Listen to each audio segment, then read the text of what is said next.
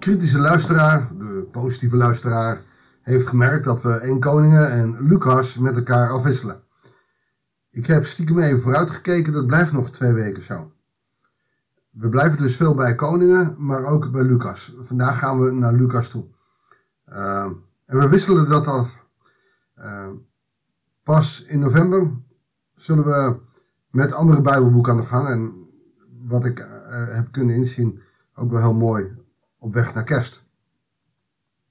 Het aparte is dat we nu ehm, in het 18e hoofdstuk van Lucas eigenlijk zitten we de voorbereiding op Pasen. Toch ook wel weer mooi. Want dit komt weer dichterbij dan alleen kerst. Kerst heb je nodig, no problem. Maar zijn afscheid zegt ook iets over zijn volgende wederkomst. Want hij kan niet weer komen op de wolken dan dat hij eerst afscheid moest nemen. Alleen dat de discipelen daar niks van snappen, dat begrijp ik ook. Goedendag, hartelijk welkom bij een nieuwe uitzending van het Bijbels Dagboek. We lezen Lucas 18, de versen 31 tot en met 43. Hij nam de twaalf apart en zei tegen hen, we zijn op weg naar Jeruzalem. En alles wat door de profeten over de mensenzoon geschreven is, zal daar plaatsvinden. Nou moet je weten dat zijn discipelen met name ongeletterden zijn, wel bar mitzvah hebben gedaan, dus wel genoeg afwisten van de Torah, maar geen geleerden.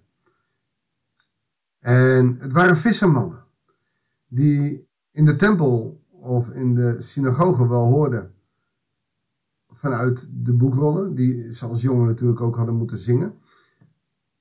Maar echt veel kennis hebben ze niet. Het is er dus ook moeilijk aan te rekenen dat ze niet begrijpen wat er met Jezus gaat gebeuren en dat dat überhaupt voorzegd is. Dat eigenlijk plaats, eh, dat vindt plaats, maar goed om dat te weten, om niet meteen te denken, hè, wat dom, dat hadden ze moeten weten. Want hij gaat door, Jezus gaat door en zegt, want hij zal worden uitgeleverd aan de heidenen en worden bespot en mishandeld en bespeeld. Nou zie je in dit zinnetje ook meteen waarom we dit langs twee koningen lezen. Want God wordt door heel veel koningen, en daardoor ook door het volk, uitgejouwd en uitgespuwd. Oftewel, ze hebben liever mammon, ze hebben liever een, een, een stenen beeld, dan dat ze een levende God hebben. Dus zoals de Joden Jezus hebben uitgekotst, zo deden ze dat eerder met God.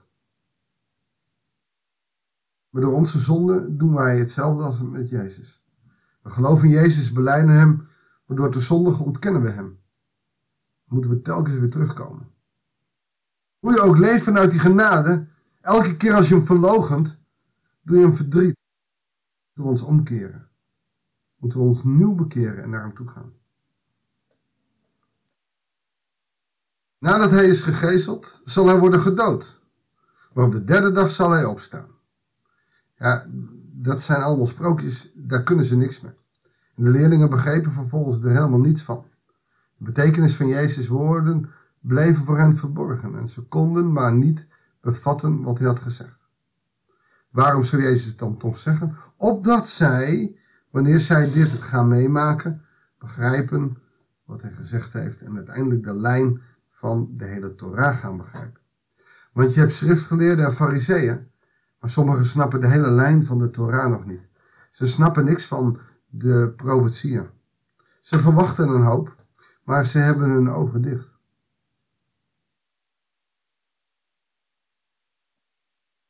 Maar de discipelen lopen achter hem aan, verbouwereerd, een beetje vreemd. Wat moeten we hiermee? En toen hij in de buurt van Jericho kwam, zat er langs de weg een blinde te bedelen. Toen de blinden menigte voorbij hoorden komen, vroeg hij wat er gaande was. En ze zeiden tegen hem, Jezus van Nazareth komt voorbij. Daarop riep de blinde, Jezus, zoon van David, heb medelijden met mij. Wat er hier gebeurt, is dat hij niet meer de Jezus van Nazareth is, maar Jezus, zoon van David. Yeshua, bad David. Oftewel, deze man, terwijl hij blind is, heeft door wie deze Yeshua is. Door hem de zoon van David te, noemen, erkent hij dat hij de Messias moet zijn. Degene die voorliepen berispt hem en zeiden dat hij moest zwijgen. Maar hij schreeuwde des te harder.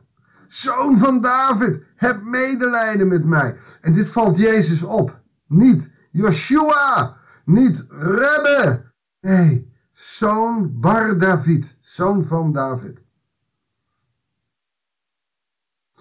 Jezus die stelt zich niet aan van die mensen daarvoor op, maar die zegt, als hij stilstaat, breng die blinde bij mij. Toen deze voor hem stond, vroeg hij, wat wilt u dat ik voor u doe? Ja, dat weet ik niet. Hè? Dat, eh, als Jezus nu voor jou zou zijn, zou je zeggen, weet ik niet. Deze blinde wist het wel. Waarom? Hij wist wie hij voor zich had. Hij had hem niet gezien. Hij wist alleen, Jezus van Nazareth komt bij, dat is de zoon van David. Dat is de gezalfde. Dat betekent dat hij hier ook kan zeggen, Heer, zorg dat ik kan zien. Niet van, als, ik het even, als het u even gelegen is, als het u genegen is, zou u me dan misschien een dagje of heel even kunnen laten zien, zodat ik kan zien dat u wonderen. Nee, zorg dat ik weer kan zien. Duidelijkheid, want hij weet wie die tegenover zich heeft. Jezus zei, zien zult u. Geloof heeft u gered.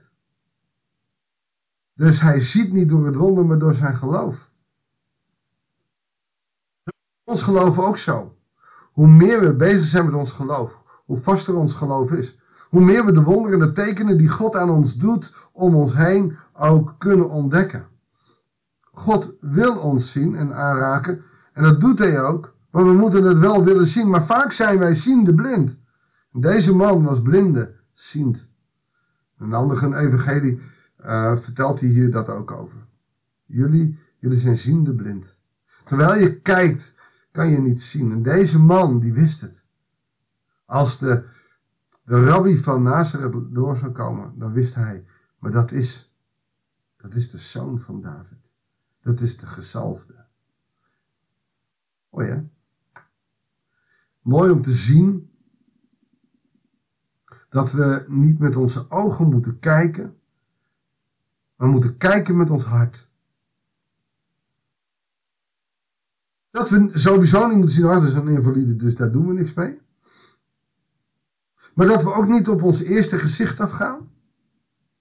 Want Jesaja heeft het over dat Jezus onmogelijk was. Dus het was niet een spetter van een man. Dus ga niet op je eerste gezicht af.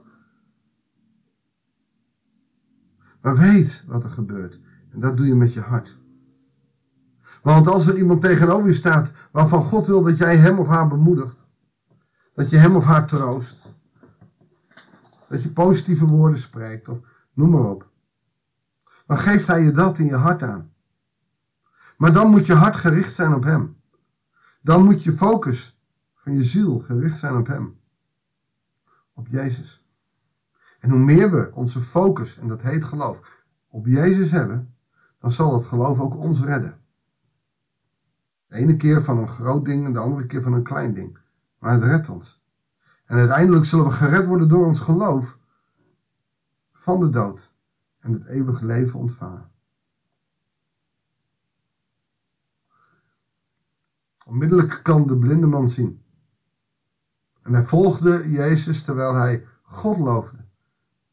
Dus hij had er een, een combo achteraan die allemaal lovende muziek en lovende woorden had. En alle mensen die getuigen waren geweest van dit voorval, brachten hulde aan God. En dat is precies de reactie die moet. God moet alle eer krijgen. Zullen we bidden, Heer, we willen vragen of u de ogen van ons hart wil openen. Dat door uw liefde, dat door uw genade, wij anderen mogen zien. Omdat we zogenaamd uw bril opdoen en met uw ogen kijken. Met uw ogen om ons heen mogen zien. Dat we de wonderen die u doet in ons leven kunnen ontdekken. Heer, wat een voorrecht om uw kind te zijn. Laat ons zo u loven en prijzen. Want u bent een God die het waardig is om geloofd te worden. Van nu aan tot in eeuwigheid. En we wachten God. Als u komt op de wolken, willen we klaarstaan. Niet omdat we zo goed zijn, maar omdat wij ons geloof in u hebben. De zoon van David. De man die zou komen. De verlosser. De zaligmaker. Uw naam zij geloofd en geprezen. Amen. God zegen en heel graag tot de volgende uitzending van het Bijbelsdagboek.